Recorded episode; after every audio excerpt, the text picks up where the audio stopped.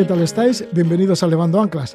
Nos espera un viaje al sur de China y así nos vamos a ir a Yunnan siguiendo la denominada Ruta del Té y el Caballo.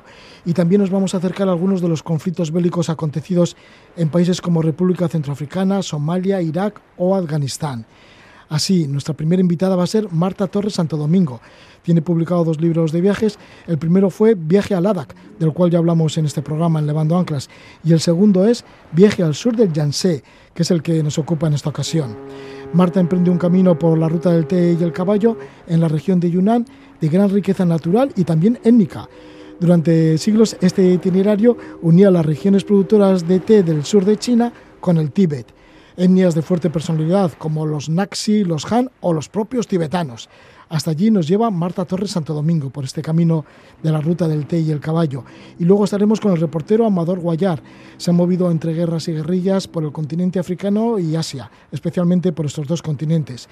Ha estado por países como República Centroafricana, Sudán del Sur, Somalia, Kenia, Uganda, Palestina, Irak, Afganistán.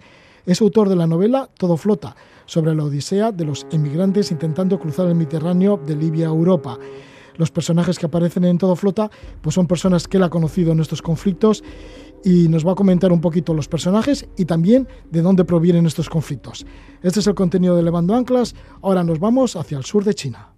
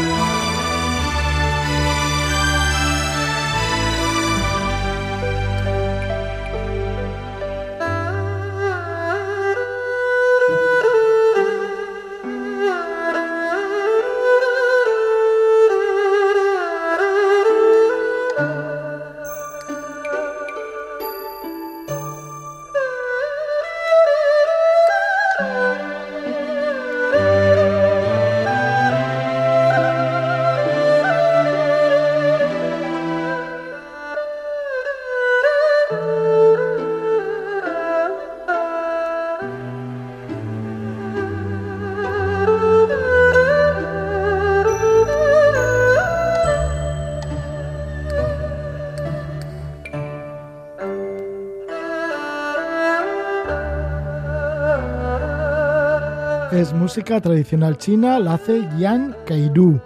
Y es que nos vamos de viaje al sur de Yangtze. Así se llama, se llama el nuevo libro de Marta Torres Santo Domingo, el autor de este libro, Viaje al sur del Yangtze, en donde describe con todo detalle un recorrido por la denominada Ruta del Té y el Caballo, realizada desde hace siglos por caravanas que bajaban del Tíbet hasta la región de Yunnan, al sur de China, en donde se cosechan las hojas del té. Un largo trayecto en el que se detiene la autora Marta Torres Santo Domingo en Minorías de China. Le damos la bienvenida. Marta, ¿qué tal estás? Buenas noches. Buenas noches, Rosy. Muchas gracias. Sí, que ya te conocemos de un anterior libro que es Viaje a Ladakh, El pequeño Tíbet, que salió publicado por la misma editorial que edita Viaje al sur de Yangtze, la ERTES. Sí, la ERTES y El perro malo. Ah, sí, las dos editoriales. Sí, y esta fue en el año 2018, esta se publica ahora, Viaje al sur del Yangtze, y en las dos el denominador común está también los tibetanos, la cultura tibetana, que te llama muchísimo la atención. Y bueno, y por supuesto también Oriente, porque te llama mucho la atención esta parte de, Asia. Sí, em, bueno, empecé a viajar hacia Oriente, pues eh, desde la parte más cercana, bueno, eh, desde pues la propia Venecia y luego a Estambul y luego un poco más allá la zona de Siria y luego más allá la zona de Irán y ya bueno pues eh, zonas ya de la India um, Uzbekistán y eh, hubo un momento en que conocí el Himalaya y bueno pues allí eh, realmente eh, toda mi pasión eh, pues quedó allí de manifiesto con esas montañas tan grandiosas y, y luego esas gentes y esas culturas tan ancestrales y tan originales. Y, y, me pareció muy atractivo y además para mí muy desconocido porque no tenía ningún punto de referencia. Y, y, para intentar comprenderlo mejor pues empecé a leer pues a ver películas a informarme y bueno, pues cuando más conoces, más lo amas y más deseas conocerlo. Y así fue como poco a poco pues eh, eh, tuve la oportunidad de ir al Tíbet Central en el año 2012, luego en el 2017 a la que este viaje que tú comentas del libro, y, y yo quería seguir conociendo alguna zona tibetana y me hablaron de esta ruta que es la que conecta el, el, el altiplano tibetano por la zona oriental, cae la meseta, hacia las tierras bajas del sur de China, en la zona de Yunnan, que es donde los tibetanos compraban el té, que para ellos es tan importante.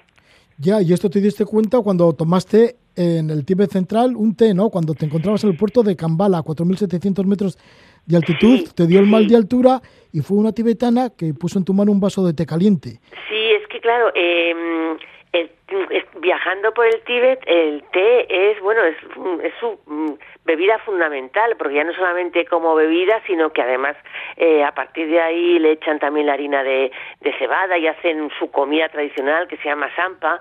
Y, y yo no era muy consciente hasta que en aquel momento pues me di cuenta de que, bueno, de que esto que es para ellos tan esencial, pero si es que allí no se puede cultivar el té a esa altitud de 3.000, 4.000, 5.000 metros, eh, y la sequedad no, no se cultiva el té. Y, y fue cuando ya empecé a oír hablar de que, de que lo traían, claro, de fuera, eh, pero es que traerlo de fuera en el Tíbet no es traerlo de aquí al lado, es que tienes que pues pasar por, por, por unos collados de 5.000 metros para descender el Himalaya, por mm, precipicios, unas sendas intrincadas, y, y, aquello ha sido durante siglos y siglos y siglos el núcleo de esta vía comercial, que la llaman la ruta del té y el caballo. Sí, que llegaba a las provincias de Sichuan y Yunnan, que dicen que fueron los primeros lugares del mundo en donde se produjo el té.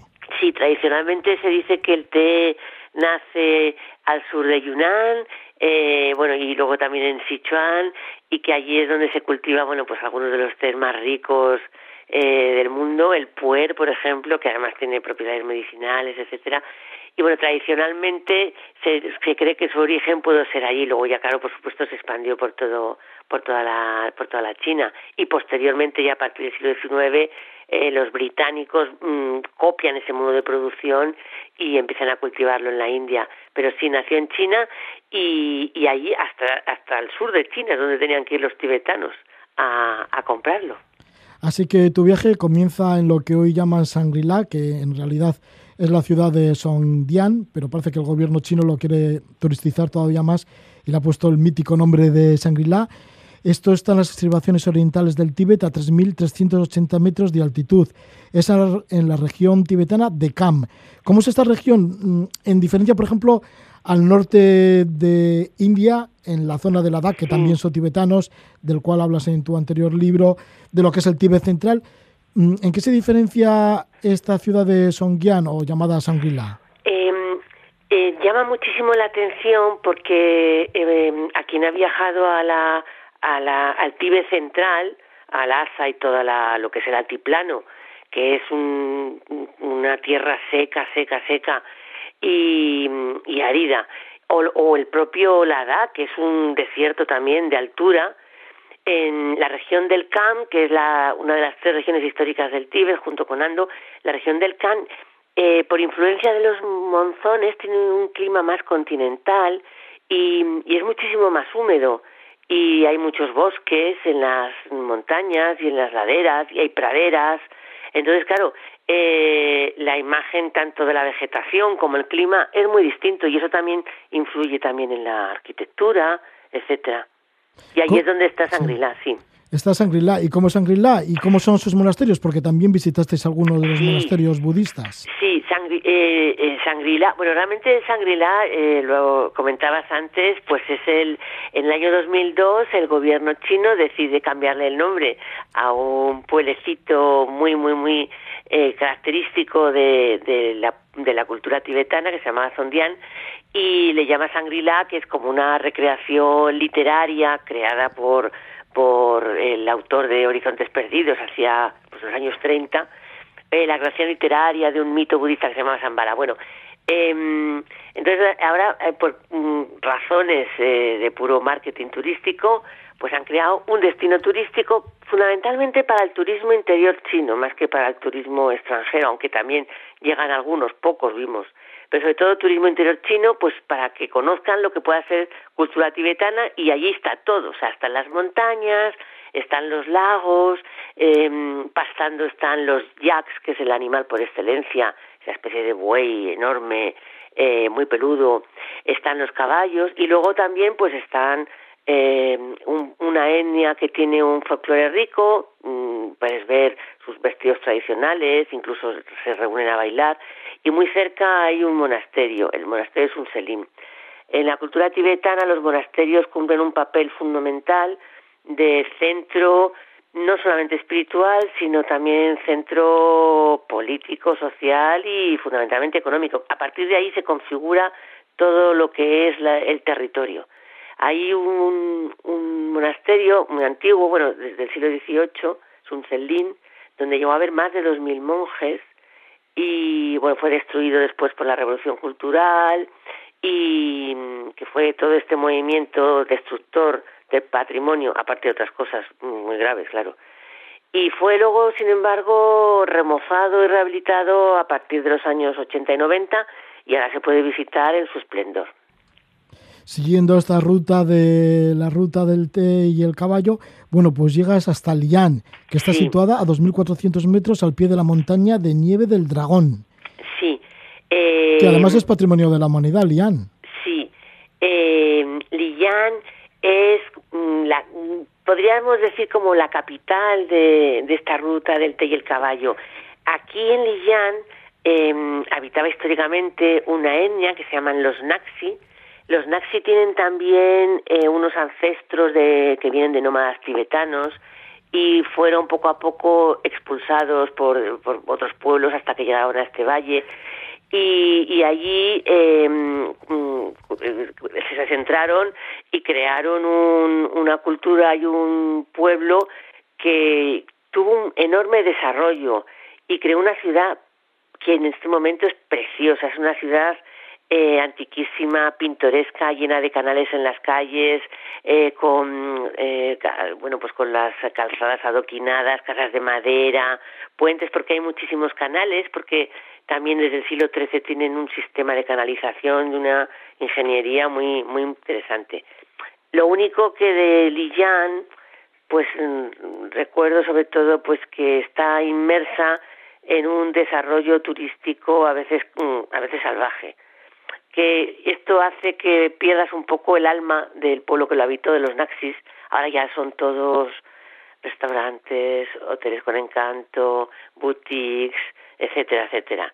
Eh, entonces, bueno, pues tienes que hacer un esfuerzo por mm, quitarle alguna de esas capas, por mm, intentar rememorar lo que fue aquello, y pero con esfuerzo se consigue y realmente disfrutas de unas de ciudades más hermosas de, China.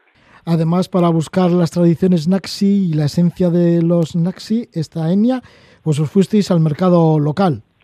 Sí, bueno, mm, los mercados en cualquier viaje y en cualquier continente, yo creo que es un lugar obligado para ver realmente, pulsar un poco eh, cómo es, eh, cómo... Bueno, entonces, eh, claro, todo el mundo de la fruta, de la hortaliza, vemos cosas que, que, bueno, pues son productos que nosotros pues no conocemos mucho, como los lotos, por ejemplo, nos enseñan a, comer la raíz del loto, luego todo lo que son eh, los tofus, que los toman de todas las formas y colores, eh, lo limpio que tenían la zona de las carnes, eh, la zona del cerdo, eh, en la zona del cerdo nos impresiona mucho porque tienen también lo, lo curan, o sea, veíamos jamones colgados y chorizos colgados, que claro, luego los probamos y no es, no tienen el curado que tenemos nosotros, por ejemplo, en España, pero sin embargo muy rico y lo cocinan y, y, y bueno, también tienen la zona de,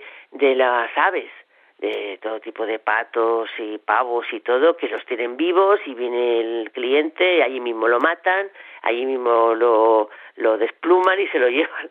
Entonces, bueno, pues muchísima viveza y muchísima... La gente encantadora. Nuestra forma de comunicación era una comunicación, claro, no verbal, porque nosotros no sabíamos ni chino ni naxi.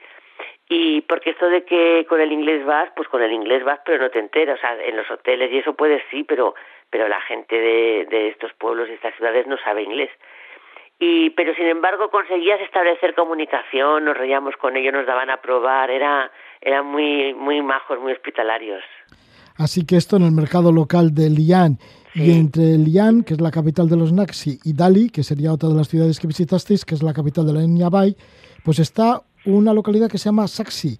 Y ahí visitaste la montaña de los tesoros de piedra, que dices que es uno de los lugares escondidos que no vienen en las guías, es una reserva natural y bueno, os llamó muchísimo la atención.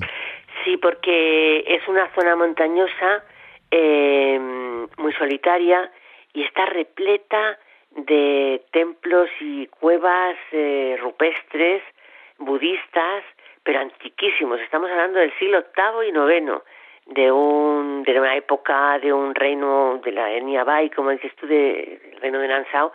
Y, y en las cuevas, eh, bueno, se ve un ambiente que para toda la región es un, una zona sagrada y, y además pues en estas mm, cuevas luego tienen unas imágenes de Buda en sus distintas manifestaciones e incluso algunas eh, imágenes más antiguas y que tienen que hacer referencia a cultos chamánicos antiquísimos, como por ejemplo una enorme vagina de piedra. Yo nunca había visto una cosa igual, que debe de venir de algún culto matriarcal. Entonces, la, entre la, la naturaleza, que es tan esplendorosa porque son colinas muy suaves pero muy boscosas, llenas de hierbas olorosas. El caminar por esa montaña sagrada de peregrinación, a esas cuevas con esas imágenes tan antiguas, realmente es un sitio que desde luego quien pase por Yunnan yo lo recomiendo muchísimo. Pues sí, en Yunnan ahí está Saxi. Hemos hablado también de Lian, hemos hablado de, bueno, pues de, de de Shangri-La, de estos lugares tan bellos, y nos situamos también en Dali. Dali, que ya hemos dicho que es la capital de la etnia Bai y que es una zona de producción de té, con plantaciones de té, también de arroz. Os adentrasteis también en estas plantaciones, estuvisteis viendo un poco la recolección de las hojas del té, también la ceremonia del té, y además dices que aquí la comida es bastante buena, ¿no? ¿Qué, qué probasteis? Bueno, eh, bueno, en China se come fenomenal, en general, en todas partes. Y entonces mm, yo recuerdo en esta en Dali y en alguna en alguna de los pueblecitos de al lado pues por ejemplo un recuerdo un cerdo asado bueno estaba exquisito con unas verduras con tempura maravillosas o las mm, típicas empanadillas al vapor que puedes comer en cualquier esquina y que son deliciosas. En Dalí también hay una especie como de torta que parece como una pizza con huevo y un montón de hierbas que está también buenísimo. O sea, es que se come fenomenal en China. Eh, realmente, además es una comida, bueno, por supuesto, muchísimo más variada que la que eh, aquí conocíamos hace unos años, aunque ya empieza a haber muchos restaurantes muy especializados y muy buenos. Pues ahí estuvisteis en Dali, que comprobasteis directamente como la recolección de las hojas de té. Sí. Y luego llegasteis a Kunming, y ya de Kunming es cuando dais el salto, ¿no? Ya dejáis las provincias Sí. de Sichuan y Yunnan y os vais ya a, otro- Sí. a otras regiones que son como, como más clásicas en lo que nos hacemos del imaginario tradicional chino. Sí, porque es que Yunnan realmente eh, es muy variado, porque tiene, ya digo, más de 30 minorías étnicas y luego el paisaje es muy variado también, porque vamos desde las altas montañas, el gran río Yangtze, estas zonas del sur, y, pasamos varias semanas allí en Yunnan y luego ya en Kunming cogemos un tren y, por cierto, los trenes eh, que por los que estuvimos fenomenales y en otros 200 kilómetros, muchísimas horas, pero muy cómodo y llegamos a la provincia de Guizhou. Y aquí en Guizhou, bueno, que también es una gran provincia y enorme, solamente pudimos estar unos días en una prefectura eh, que está al sureste, es la prefectura autónoma de las minorías Miao y Dong, que llaman. Y es también una tierra montañosa, llena de valles y ríos y pintada en mil tonos de verdes, con pequeños, bueno, eh, deliciosa. Y ahí tuvimos la oportunidad de conocer estas dos minorías, los Miao y los Dong, Los miao que también se conocen como los, como los monj. como los Hmong. Sí, que cultivaban en su tiempo, hace ya tiempo, bueno, sobre todo en la época de la colonia eh, francesa, cultivaban el opio. Sí, los miao es una, es una etnia mm, mm, de muchísimas personas, estamos hablando de nueve millones de personas, ¿eh? Eh, que tienen su origen mucho más al norte, en las, pues en las zonas medias del río Amarillo, y que son empujadas eh, mm, por la mayoría Han a lo largo de los siglos en una lucha constante por el control del territorio. Y ellos terminan refugiándose en el sur de China, en las zonas montañosas, en Yunnan, en Guizhou, e incluso eh, muchos de esos grupos miao pasan a otras zonas en Laos, Camboya o en Vietnam. En Vietnam hay también eh, pueblos, yo tuve oportunidad de conocer alguno eh, de etnia Mon, y, y, bueno, pues es un pueblo que no tiene escritura, pero ya digo que es muy antiguo, y su cultura y su riqueza la desarrollan y la muestran a través de un folclore pues muy muy rico a través de su trabajo de artesanía en plata, de bordados, de música, de bailes. Y, y bueno, ahora lo que pasa que que forman parte también de estas rutas de turismo étnico que están propiciando de, desde el gobierno. Pero es muy interesante conocerlos, desde luego. Sí, sí, los Mon en esta parte de China, porque bueno, como están extendidos por varios países, ya has dicho, ¿no? Por Vietnam también por el norte de Laos y ahí cuando era colonia francesa, esta parte de Laos, vienen y así, pues sí que cultivaban también el, opio y demás. bueno, sí, esto en la provincia de Guizhou, pero luego la siguiente fue Guangxi. Guangxi, Guangxi, sí. Sí, sí, y ahí hiciste el crucero por el río Li, que debe ser también un clásico, ¿no? Sí, este sí que es un clásico de los clásicos del sur de China, porque eh, Guilin eh, es una zona kárstica y que tiene un paisaje de montañas con, con un ligero toque etéreo, con formas caprichosas, y, y bueno, por ahí uno de los ríos más famosos es el río Li, que es un afluente del río Perla, y por el río Li, eh, bueno, pues ahora se hacen cruceros que la verdad es que cuando te montas dices, pues esto debe ser una turistada, pero luego cuando estás y estás pues cuatro o cinco horas, que es el, el recorrido habitual que se hace, que es de unas cuatro horas entre Huilin y, Yanshuo, y bueno, es delicioso, porque es un río que tiene, además nosotros lo vimos con un día que no había un sol espléndido, sino esos brumosos en los que estas montañas caprichosas las ves como con hilachos de niebla y el río fluye muy lentamente y, bueno, pues parece, llega un momento en que parece que estás navegando por una acuarela. Es un, es precioso. Hace unos años salió una película que se llama El velo pintado, que, que transcurría precisamente en esta zona del río Li para quien quiera eh, ver cómo, cómo es aquello. Es muy, muy, muy hermoso. Y ha, dado lugar además a estas pinturas de acuarelas tan típicamente chinas, de una montaña simplemente apuntada y esbozada, eh, un río y una nube pues, hacen poesía. Ya, Marta, pues sí, todo lleno de poesía, ¿no? Todo una acuarela, esa acuarela que nos imaginamos de China, pues ahí teníais en ese crucero por el río Li. Sí. Y el periplo terminó en Cantón y Hong Kong. Que esto es un área de desarrollo mm, de China, ¿no? De la China contemporánea, que seguramente no tiene mucho que ver con todas las minorías étnicas que habéis visto y esos paisajes clásicos chinos. Nada que ver, nada que ver, pero, pero realmente es la China contemporánea.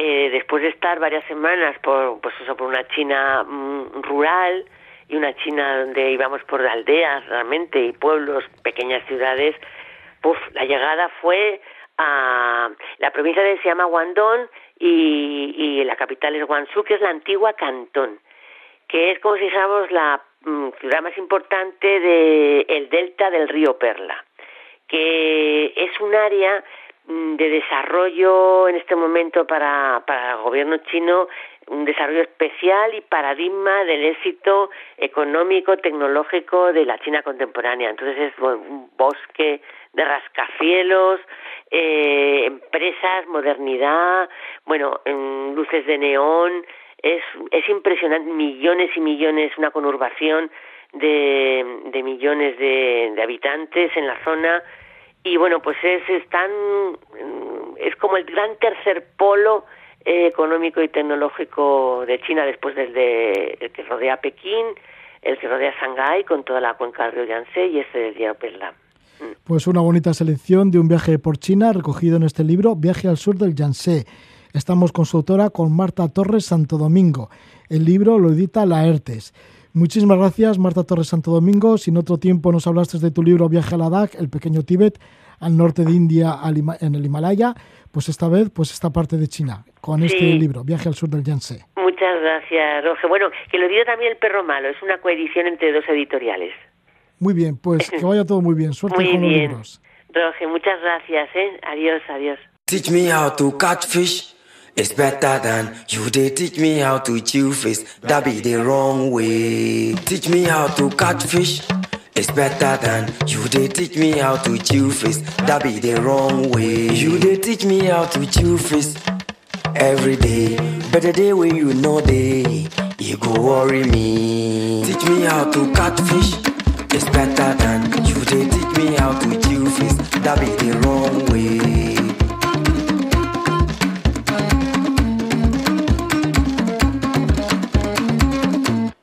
Teach me how to hunt meat.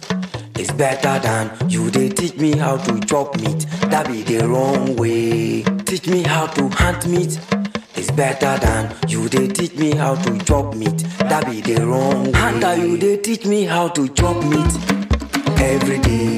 Better day when you know they you know say it worry me. So teach me how to hunt meat. It's better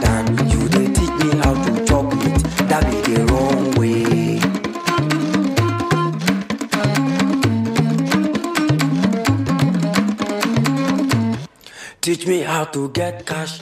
El tema se titula así, Teach Me, y lo hace a Los Men, que es un cuarteto de Ghana en donde se encuentra Steve Atimbire.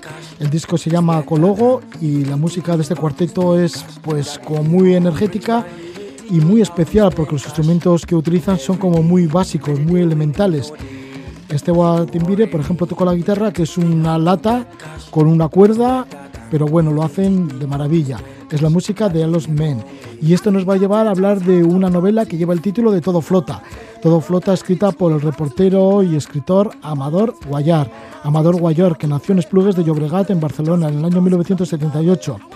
Ya estuvo con 20 años de reportero de guerra en la Guerra de Macedonia en el año 2001 y luego pues ha trabajado para diversos medios tanto nacionales como internacionales, ha estado trabajando también para la ONU, para diversas ONGs y la misión de la OTAN, de la OTAN en Afganistán, donde se estableció durante una década. Estuvo allí en Afganistán desde el año 2008 a 2018. De esa experiencia escribió un libro que lleva el título de En la tierra de Caín, que lo editó Península. Y ahora pues sale esta novela, Todo Flota, en la cual pues va recogiendo sus cuadernos de campo en tantos guerros, en tantos conflictos que ha estado por el mundo, pues en Irak, en la Franja de Gaza, en República Centroafricana, en Somalia, en Sudán del Sur y otros lugares, va tomando todas esas notas y las va mm, recogiendo para sus personajes, para esos 33 personas que se encuentran en la costa de Libia, se van a subir una lancha para cruzar el Mediterráneo central rumbo a la isla de Lampedusa. Y allí en el en medio del Mediterráneo pues hay una gran tormenta, muchos de ellos no saben nadar, menos tienen nociones de navegación. Todo esto lo cuenta Amador Guayar en esta novela. Todo flota. Le damos la bienvenida a Amador Guayar. Buenas noches, Amador. Buenas noches, Roge. Muchas gracias por invitarme al programa. Bueno, pues gracias a tu novela y gracias a los personajes de esta novela vamos a conocer algunos de los lugares en donde has estado especialmente no como turista, pero sí como reportero. Uno de los personajes es Anabel, una mujer que va con su hijo en esta lancha y ella procede de la República Centroafricana. Es un personaje que está todo el rato rezando porque es como muy beata y ella es cristiana. ¿Y cómo puede llegar una persona de República Centroafricana a la costa de Libia para, querer, para mm, intentar llegar a las costas italianas? Bueno, pues en el caso de Anabel, por la guerra, por la guerra y por la religión, por ambas cosas. Anabel es una mujer joven eh, que lleva a cuestas a su, hijo, que se llama Diambu. Ella, como bien has explicado, huyó de la República Centroafricana y huyó como, como el resto de, refugiados de esa lancha, ¿no? Eh, porque la guerra y la violencia y el miedo a, a, no tener un futuro o a que su hijo sufra la violencia que, que su padre sufrió, eh, pues, eh, pues sigue adelante, ¿no? Ella es una cristiana y, como bien has dicho, una beata, eh, en la República Centroafricana, como, como los, la audiencia debe saber, eh, hay una gran población católica y otra gran población musulmana, y ella viene de un barrio que se llama el barrio de PK5, que es un barrio musulmán, donde hay una milicia eh, musulmana que se llaman las milicias de autodefensa del PK5, y están encabezadas por un hombre que se llama Force Animeri, eh, que es un musulmán ex miembro del ejército, expulsado por su religión, y que ellos se conocen allí y se enamoran. Eh, porque como pasa y como he visto en muchos conflictos, eh, las cosas no son blancas o negras. Eh, he estado en muchos conflictos donde, donde la religión era el causante, ya sea cristianos atacando a musulmanes o musulmanes atacando a cristianos y a judíos y al resto de religiones, o, conflictos religiosos eh, donde, donde la, la, vida sigue adelante y, y, el amor no conoce límites y el amor no conoce si tú eres de una religión u otra. Y en el caso de ella, pues se enamora de este hombre, eh, están juntos, tienen un hijo, pero claro, él, ah, debido a, su posición de líder de, de esa milicia, pues es asesinado en plena calle y bueno, según la para que ella no sea la consecuencia de ese asesinato, es decir, que en, en, en ese contexto de la República Centroafricana no solo matan al marido, quieren matar al marido y quieren matar a toda la familia para que no haya una venganza futura, ¿no? Y ella eso lo sabe, así que decide huir con su hijo recién nacido a cuestas y así es como sale de la República Centroafricana. Es importante decir también que ambos personajes existieron de verdad. Eh, Forson fue el, el, el auténtico comandante de esa milicia al que yo conocí eh, cuando estuve en Bangui, eh, cubriendo el conflicto allí para el diario El Mundo. Estuve, eh, creo que he sido el único periodista español eh, que ha estado empotrado con una milicia yihadista africana. Estuve con ellos un día entero, eh, me llevaron a sus partes de lo que ellos llamaban el frente, a sus hospitales de heridos, que eran básicamente eh, chozas donde el olor a gangrena y el olor a podrido estaba por todas partes, gente muriéndose. Y de hecho a, a Force lo, lo, lo, mataron dos semanas después de que yo lo entrevistase, eh, con lo que el personaje de Anabel nos permite no solamente conocer un poco más de lo que es República Centroafricana y de, y de, su idiosincrasia, tanto católica como musulmana, porque también se habla de la visita al Papa eh, que hizo en Bangui y de la, la, impresionante catedral de Bangui, que es una de las catedrales africanas que a mí más me ha dejado impresionado. ¿Cómo puede ser que un país tan pobre tenga una catedral tan grande? Es, es algo que no entiendo. Un país donde hay tanta gente muriendo de ese hambre, eh, que, que se dedique tantos recursos para una cosa así. Entonces, sin ninguna no, no, tengo ninguna intención de hacer una crítica religiosa ni nada de eso pero sí que, que, es un poco chocante. Entonces a través de ella y de su historia pues conocemos un poco lo que es la, la República Centroafricana y los problemas los gravísimos problemas y el conflicto en el que todavía están uh, inmersos. Qué historia más curiosa no la de una beata cristiana que se enamora de un radical musulmán. Sí lo es un yihadista es, es, es, curiosa y es, y es completamente real. De hecho, la historia me la explicó el propio Force. Eh, cuando yo lo estaba entrevistando en su guarida, eh, que teníamos que ir con mucho cuidado porque estaban las tropas francesas alrededor, los helicópteros y, hacía mucho tiempo que, otros grupos como los grupos Seleca, que son como sus enemigos, querían matarlo y que lo estaban intentando asesinar, como te he contado, lo mataron dos semanas después y fue él que me lo contó. Eh, yo me quedé eh, también impresionado. ¿Cómo puede ser que una persona que representa a, al, yihadismo dentro de Bangui, es más, había allí un representante de Al Qaeda. Entonces, ¿cómo puede ser que, su mujer sea cristiana y que, y que el resto del grupo lo respete, no? Pues uh, así era, eh, porque allí no es eh, no es como lo que vemos en las películas, eh, por ejemplo, en Irak o en Afganistán, donde, donde el extremista es completamente extremista. Allí en, en África hay una mezcla, especialmente en República Centroafricana, mi experiencia es que hay una mezcla. Por ejemplo, eran muy, muy, uh, muy fanáticos religiosos musulmanes, pero a, a la misma, en, a la misma vez creían mucho en el yuyu y, el, y los amuletos protectores, es decir, que no salían de casa sin amuletos protectores que les protegían de las balas, había otro amuleto, por ejemplo, que cuando tú lo llevabas la munición de la, del arma nunca se te acababa, había otro amuleto, eh, eh, otro yuyu, que son como unas figurines y unas cosas que hacen que hacen sus hombres mágicos, eh, si lo, te lo ponías en el coche no se le acababa la gasolina. Entonces, es una mezcla de, de, de, de, de folclore que viene de lo más profundo de la selva con religión moderna y en este caso, en el caso de Force, eh, eso fue porque él la conoció a ella, a, lo que había, a su mujer de verdad, eh, cuando eran muy jóvenes, cuando él estaba en el ejército y cuando en aquella época en República Centroafricana no era tan importante el hecho de ser eh, musulmán o, católico, no había ese choque y ahí pues su, relación se pudo desarrollar. Y sin embargo, después cuando las cosas se pusieron mucho peor y cuando vino la guerra y cuando pasó todo lo, todo, lo que sigue pasando, eh, su matrimonio siguió fuerte, siguió completamente fuerte. Y eso es el amor. Eh, él la amaba y él hablaba de ella como, como, como si fuese la reina de Saba, ¿no? Y, y, cuando te decía, y es cristiana, ¿eh? Y es él, él, lo repetía mucho eso, ¿no? Como una parte de orgullo, mientras el tipo de Al-Qaeda nos iba mirando como diciendo, a mí eso no me gusta mucho, pero, pero eh, es algo extraordinario y, esa historia eh, quería que, que, que, Anabel estuviese en la novela y quería contar esa historia Historias extraordinarias que has conocido como reportero. Si saltamos de República Centroafricana a Irak, estuviste también en la batalla de Mosul en el año 2016 y aparece en tu novela un personaje que llega desde allí, desde Mosul, que es Mina, que también intenta huir de, de la barbaridad de la guerra y de lo que supone Irak intenta pues llegar a las costas de Libia, que sí que llega, y luego ya en lancha pues cruzar hacia Lampedusa, hacia Italia. ¿Y qué podemos recordar de Irak y esa batalla de Mosul en relación con esta persona, con, con Mina? ¿También conociste alguna mujer de este tipo? Porque es una mujer que, que, ya estuvo casado con varios hombres, que tiene cuatro hijos. Esto en la novela, ¿eh? Tu personaje. Sí, bueno, de, de, Irak puedo recordar Y además que ella batalló también, ¿no? Ahí con el Estado Islámico. Exacto, exacto. Mira, es un personaje muy especial porque es un personaje muy atípico y que mucha gente puede creer que es un poco irreal, pero, pero nada más lejos de la verdad. Eh, porque es un personaje muy muy real. Es una es una es una mujer que como bien has dicho ha tenido varios maridos, todos ellos milicianos del Estado Islámico, le han durado muy poco porque tan pronto como llegan se van al frente y, y lo suelen matar. Es una mujer que se ha criado en el fanatismo religioso sunita, su familia era así y ella ha crecido con eso.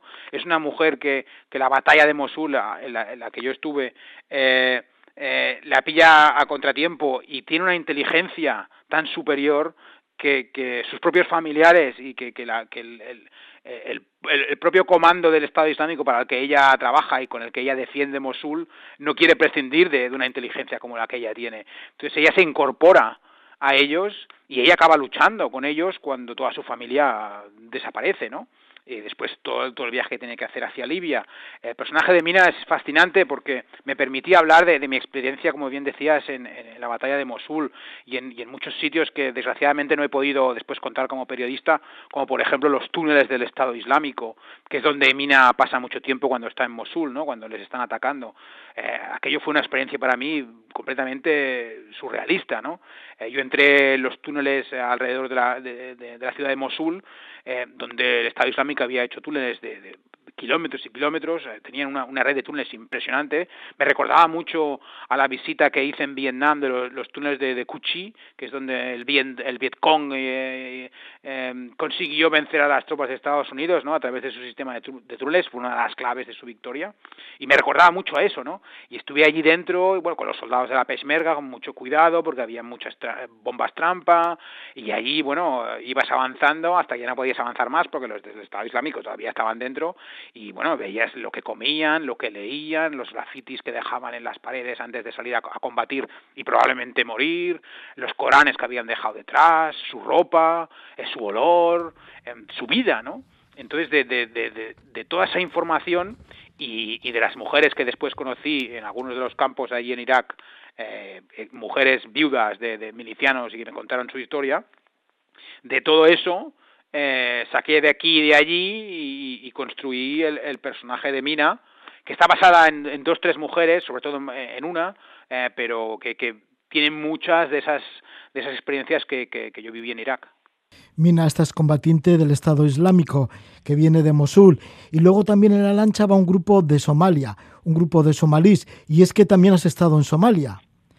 Sí, en, y en estos Somalia... están inspirados en gente que has conocido en la capital, ¿no? En Mogadiscio. Eh, bueno, algunos los conocí en Mogadiscio, otros los conocí en, en Dolo y en Gedo, eh, en, varias partes de Somalia. Eh, son unos personajes muy entrañables, es, un grupo de, amigos que se ha conocido justo al salir de Somalia con el mismo objetivo, llegar a Libia y, cruzar hasta, hasta Europa. Eh, son, ah, son dos pastores, eh, un hijo de un mulá y, y un tercero eh, que es ah, un pequeño criminal de, de, poca monta. Son, son, buena gente y reflejan mucho mi experiencia en Somalia. Yo allí, aparte del conflicto y aparte de, los hospitales eh, que son horrorosos, donde hay mucha desgracia, los campos de refugiados, la sequía, la, Somalia vive unas, unas sequías tremendas que causan miles de muertes y el ganado no, no lo soporta, etcétera, etcétera. Aparte de toda la desgracia que hay en Somalia, yo tuve una experiencia muy buena con la gente de Somalia. Una gente extremadamente atenta, que te, que, te daba todo lo que podía a la mínima y fui a visitar a muchos pastores, siempre con mucha protección porque eh, Al-Shabaab, que es el grupo terrorista de allí, eh, es, es, muy, muy peligroso y eh, realizan, llegan a cabo muchos secuestros, y etcétera, etcétera. Entonces iba a visitar a muchos pastores y te sacrificaban, a, tenían tres cabras y llegabas tú y te sacrificaban una para montar una comida para, para, para toda la aldea en ese momento. Eh, la leche de camello, que para ellos es algo casi sagrado, eh, yo tuve una experiencia tan, tan amable y tan profundamente bonita con, con, con esa gente, con esos pueblos pastorales, eh, que, que, quería reflejar eso en estos personajes. En eh, estos, los somalíes de, que salen en la novela son, son gente que yo creo que refleja muy bien la, la amabilidad y el grandísimo corazón que tiene Somalia. ¿Cómo es Somalia? Porque pocas personas han entrado por allí, ¿no? ¿Cómo nos podías describir? en cuanto a paisaje, yo te puedo descubrir las partes en las que yo he estado. Eh, en Mogadiscio, por ejemplo, uh, eh, tienes el contraste de... Tienen un, un mar increíble, o sea, eh, las aguas que tienen azul puro, un paraíso completo, y entonces pones un pie en la tierra y ves la ciudad de Mogadiscio y ves una ciudad completamente destrozada, eh, que no se ha recuperado todavía de los muchos conflictos que ha sufrido y que sigue sufriendo, donde hay bombas, eh, hay camiones bombas que a veces destrozan manzanas enteras. Es una ciudad completamente en ruinas. Es una ciudad que está muy lejos del desarrollo, donde hay mucha inseguridad, donde, donde no hay una vida normal y corriente, eh, donde hay mucho miedo. Eh, es una ciudad muy decrépita, muy, muy decrépita, ¿no? Que recuerda, me recuerda mucho a cómo estaba Mosul o como he visto a otras ciudades que han pasado grandes conflictos. Eh, cuando te vas ya más hacia el interior, yo mi experiencia fue pues mucho desierto, eh, poco verde y mucho desierto, mucha arena, mucha aridez, eh, una vida muy muy dura, un, más o menos eh, para que el lector se haga una, lector, perdón, la, tu audiencia se haga una idea, eh, hay una película preciosa que se llama Las montañas de la luna, eh, que hay un libro que es un libro excepcional, que se va sobre sobre Pike y los descubridores de, de las fuentes del Nilo. Eh, si se ve esa película, cuando están en las llanuras, en la sabana y todo eso, eh, es muy parecido a eso, ¿no? No a la sabana keniata, eh, pero sí muy parecido a esa, esa, esa aridez, mucho arbusto, muy poco verde, eh, la, las aldeas cuyo color eh, se confunde con el color del desierto y que a veces eh, las, a varios kilómetros parece que no estén allí y cuando más te acercas a, aparecen. Es un sitio mágico, es un sitio ancestral, es un sitio donde la vida se despoja de muchas cosas y se reduce al mínimo y donde, donde sobrevivir eh, eh, no es sencillo. Amador, pues sí, nos hablas de Somalia, pero también nos podías hablar de Kenia, porque viviste allí durante seis meses y también uno de tus personajes de esta novela, Todo Flota, pues también es de allí, ¿no? De, de Nairobi, de los barrios de Nairobi. Pero sí que me gustaría conocer también tu relación con Afganistán, ya que tres de los personajes son afganos de tu novela, de los 33 que van en la lancha. Y es que en Afganistán has vivido durante 10 años. Sí, en, estuve como reportero allí, bueno, desempeñé muchos trabajos, eh, de, de, reportero es el principal, pero hice muchas cosas allí y estuve entre idas y venidas, estuve una década en la que Kabul era mi base, era mi casa, era, era donde yo vivía. Sí, en donde tú vivías. ¿Y qué personajes aparecen en el libro? Viene a ser como una metáfora de lo que sucede en Afganistán, de lo que has comprendido tú en Afganistán a través del carácter de, de estos tres hombres, que son Yalil, Abdullah y Dostum. Exacto, exacto. Pues sí, son un reflejo de, de, cómo yo veo Afganistán y desgraciadamente como lo mal que van las cosas, ¿no? Estos personajes yo creo que son una metáfora de lo que está pasando allí. Eh, hay dos hermanos eh, que se llaman Khalid y Abdullah. Khalid es el afgano medio que está harto de la guerra. Es el afgano eh, trabajador que se levanta por la mañana, eh, una persona religiosa, pero tampoco sin, sin, de manera exagerada, cuya única preocupación es, es salir adelante y sacar a su familia, en este caso su hermano, y que decide marcharse del país porque ya no puede más. Eh, no encuentra su lugar y está harto de tener que, que de, de, estar entre dos fuegos, de dos sectores, dos grupos que se odian a muerte y que no van a dejar de luchar nunca, y él está harto y decide marcharse. Eso es el reflejo de ahora mismo de, de, la generación que creció con la llegada de las tropas internacionales a Afganistán. Y es una experiencia que yo conozco muchos afganos que se han marchado del país, que cuando yo estaba allí, eh, los conocía y su idea era, oye, estamos creando un país nuevo, estamos creando un futuro, vamos a quedarnos, vamos a luchar. Muchos de esos han dicho ya, ya no hay solución y yo no quiero estar aquí. Su hermano, eh, que es Abdullah, es el, es el afgano el, afgano joven, al, al, que yo conozco muy muy bien porque eh, allí, aparte de mi trabajo como periodista y con la OTAN, eh, ayudé a muchas ONGs, incluso desarrollé una ONG eh, que ayudaba a periodistas afganos jóvenes a situarse en su propio, eh, los medios allí y, y Abdullah es ese afgano joven, ese afgano que eh, tiene un teléfono y que mira YouTube y Facebook y Twitter y que, y que ve el mundo exterior cómo está avanzando y avanzando, pero ve que su mundo, en vez de avanzar y avanzar como se le había prometido eh, desde muchos poderes uh, fácticos, tanto extranjeros como dentro de Afganistán, no avanza y no tiene futuro y cada vez tiene menos libertades, ¿no? Y es ese joven que dice también, oye, me prometisteis la libertad, prometisteis que mis hermanas y mis madres y, mi madre y, las mujeres serían libres y, a, ahora os marcháis y, aquí no hay libertad y aquí no hay nada, ¿no? Y, pues entonces, ¿qué hago? Pues me marcho. Eh, recordemos que gran parte de los eh, migrantes que vienen, que van a parar a Grecia y una proporción de los que están en Libia son afganos son afganos que huyen. Y el tercer afgano uh, es Dustum, que es sí, un hombre que, es que viene el poeta, ¿no? Sí, este es el poeta. Es un afgano que representa a, a, a lo más alto en Afganistán del arte, lo, lo, que es la poesía. Para ellos es, es los jardines y la poesía son las dos uh, manifestaciones más, más, más perfectas de lo que puede ser el arte. Entonces, los afganos tienen una pasión que es, eh, que es arrolladora. Realmente, cuando uno va allí y conoce el amor que tienen por la, la, el amor obsesivo y pasional que tienen por la poesía, uno se queda muy sorprendido, ¿no? Porque claro, tiene las imágenes de el Afganistán violento, de los turbantes negros y la violencia contra la mujer y todas estas cosas son reales, pero también tienen este amor extraordinario por la poesía, incluso los talibanes. ¿no? De hecho, hay un libro de poemas talibán que, que no es muy famoso, pero que yo recomendaría leer porque es una, es una ventana muy buena a, lo que son esta gente y cómo sienten, ¿no? Pues Dostum es un poeta, es un hazara, es de la etnia hazara, una de las etnias es chiita, eh, etnia minoritaria y religión minoritaria, minoritaria en, Afgan en, Afganistán, odiada por el Estado Islámico, odiada por los talibanes. De hecho, uno de los objetivos principales de los talibanes son los hazara, eh, cometen atrocidades contra ellos eh, semanalmente. Eh, y Dostum es un poeta, es un artista eh, que se marcha de Afganistán por dos razones. Una, porque no quiere, pues su familia le, le, le, dice, oye, vas a tener que hacer un pensamiento y unirte al ejército o a la policía, ¿no? Porque, oye, tal y como están las cosas, esto de, de ser administrativo y poeta, pues como que no, ¿no? Huye en, en parte por eso y huye también porque él cree que como poeta necesita una experiencia personal para crear su gran libro épico que reflejará la travesía de los refugiados afganos desde Afganistán hasta donde les lleve, ¿no?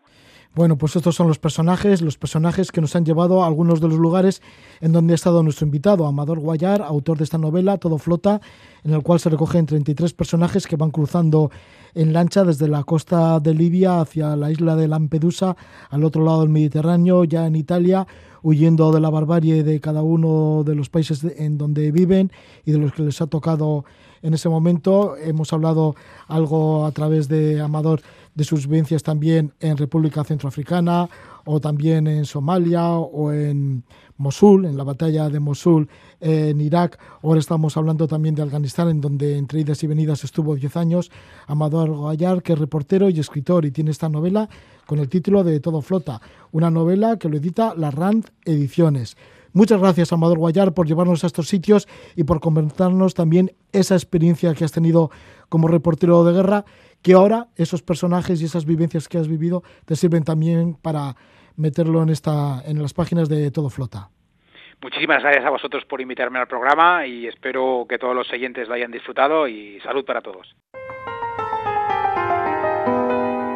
Well, I've been a lot of places in my life and time. Sung a lot of songs, made some bad rhymes. Acted out my life in stages. Nos ocultamos en el horizonte con nuestro pequeño velero que tantos mares ha surcado. Escuchamos al grupo de Motricu, Delirium Tremens, con el tema Ayo. Hasta siempre, el más fuerte de los abrazos, dulces sueños.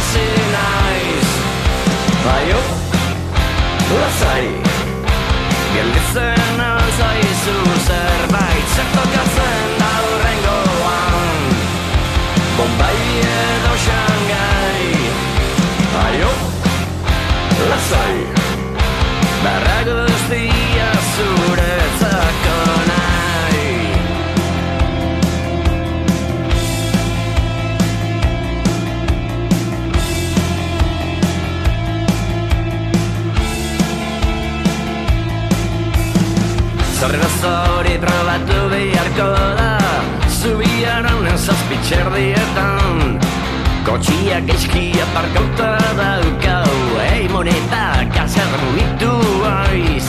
Mundua konpontzen galdu Mingaina loritzerakoan. Obeto